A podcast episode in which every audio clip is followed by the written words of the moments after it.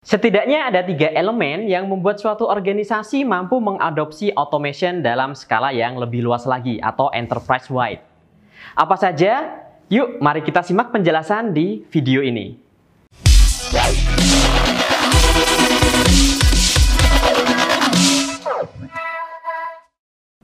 Data dari KPMG di dalam CIO Survey Report mereka pada tahun 2019 menyebutkan bahwa automation menduduki peringkat kedua teknologi yang paling banyak diadopsi.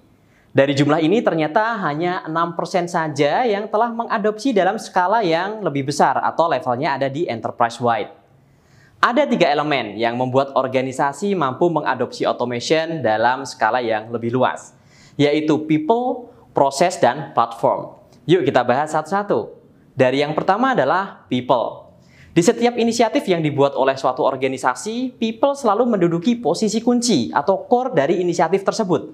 Tidak terkecuali dengan automation inisiatif.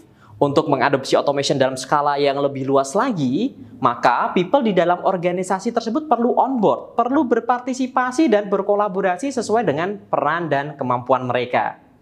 Dan berdasarkan survei dari McKinsey, top skill yang diperlukan dalam digital era ini adalah kemampuan kognitif yang lebih tinggi lagi, kemampuan sosial dan emosional, serta kemampuan dalam penggunaan teknologi. Maka bekali Anda dan tim Anda dengan kemampuan-kemampuan tersebut agar automation bisa diadopsi lebih luas lagi. Dan yang kedua adalah proses. Proses yang solid tentunya akan membawa implementasi ini berjalan dari awal hingga akhir dengan sangat baik pula. Dari proses persiapannya, development, deployment, hingga proses dalam memanage setelah automation ini diimplementasikan termasuk beradaptasi dengan proses automation yang baru ini. Apa perubahan yang perlu di-manage, baik perubahan secara operation yang dilakukan oleh manusia dan perubahan dari sisi teknologi. Bagaimana review dari implementasi sebelumnya? Proses apa lagi yang perlu diimprove?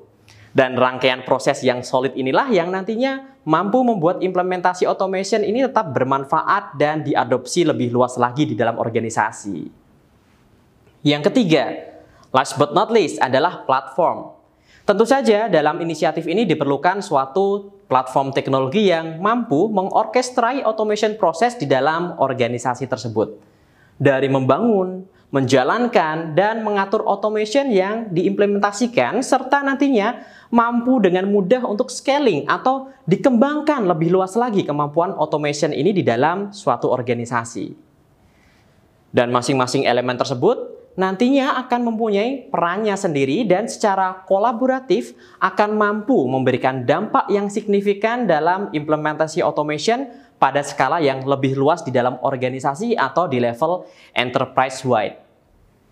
Semoga video ini mampu bermanfaat dan mampu membuat Anda dan organisasi Anda terinspirasi dan memulai inisiatif dari automation ini. Sehingga organisasi Anda mampu lebih berkompetisi di era digital ini.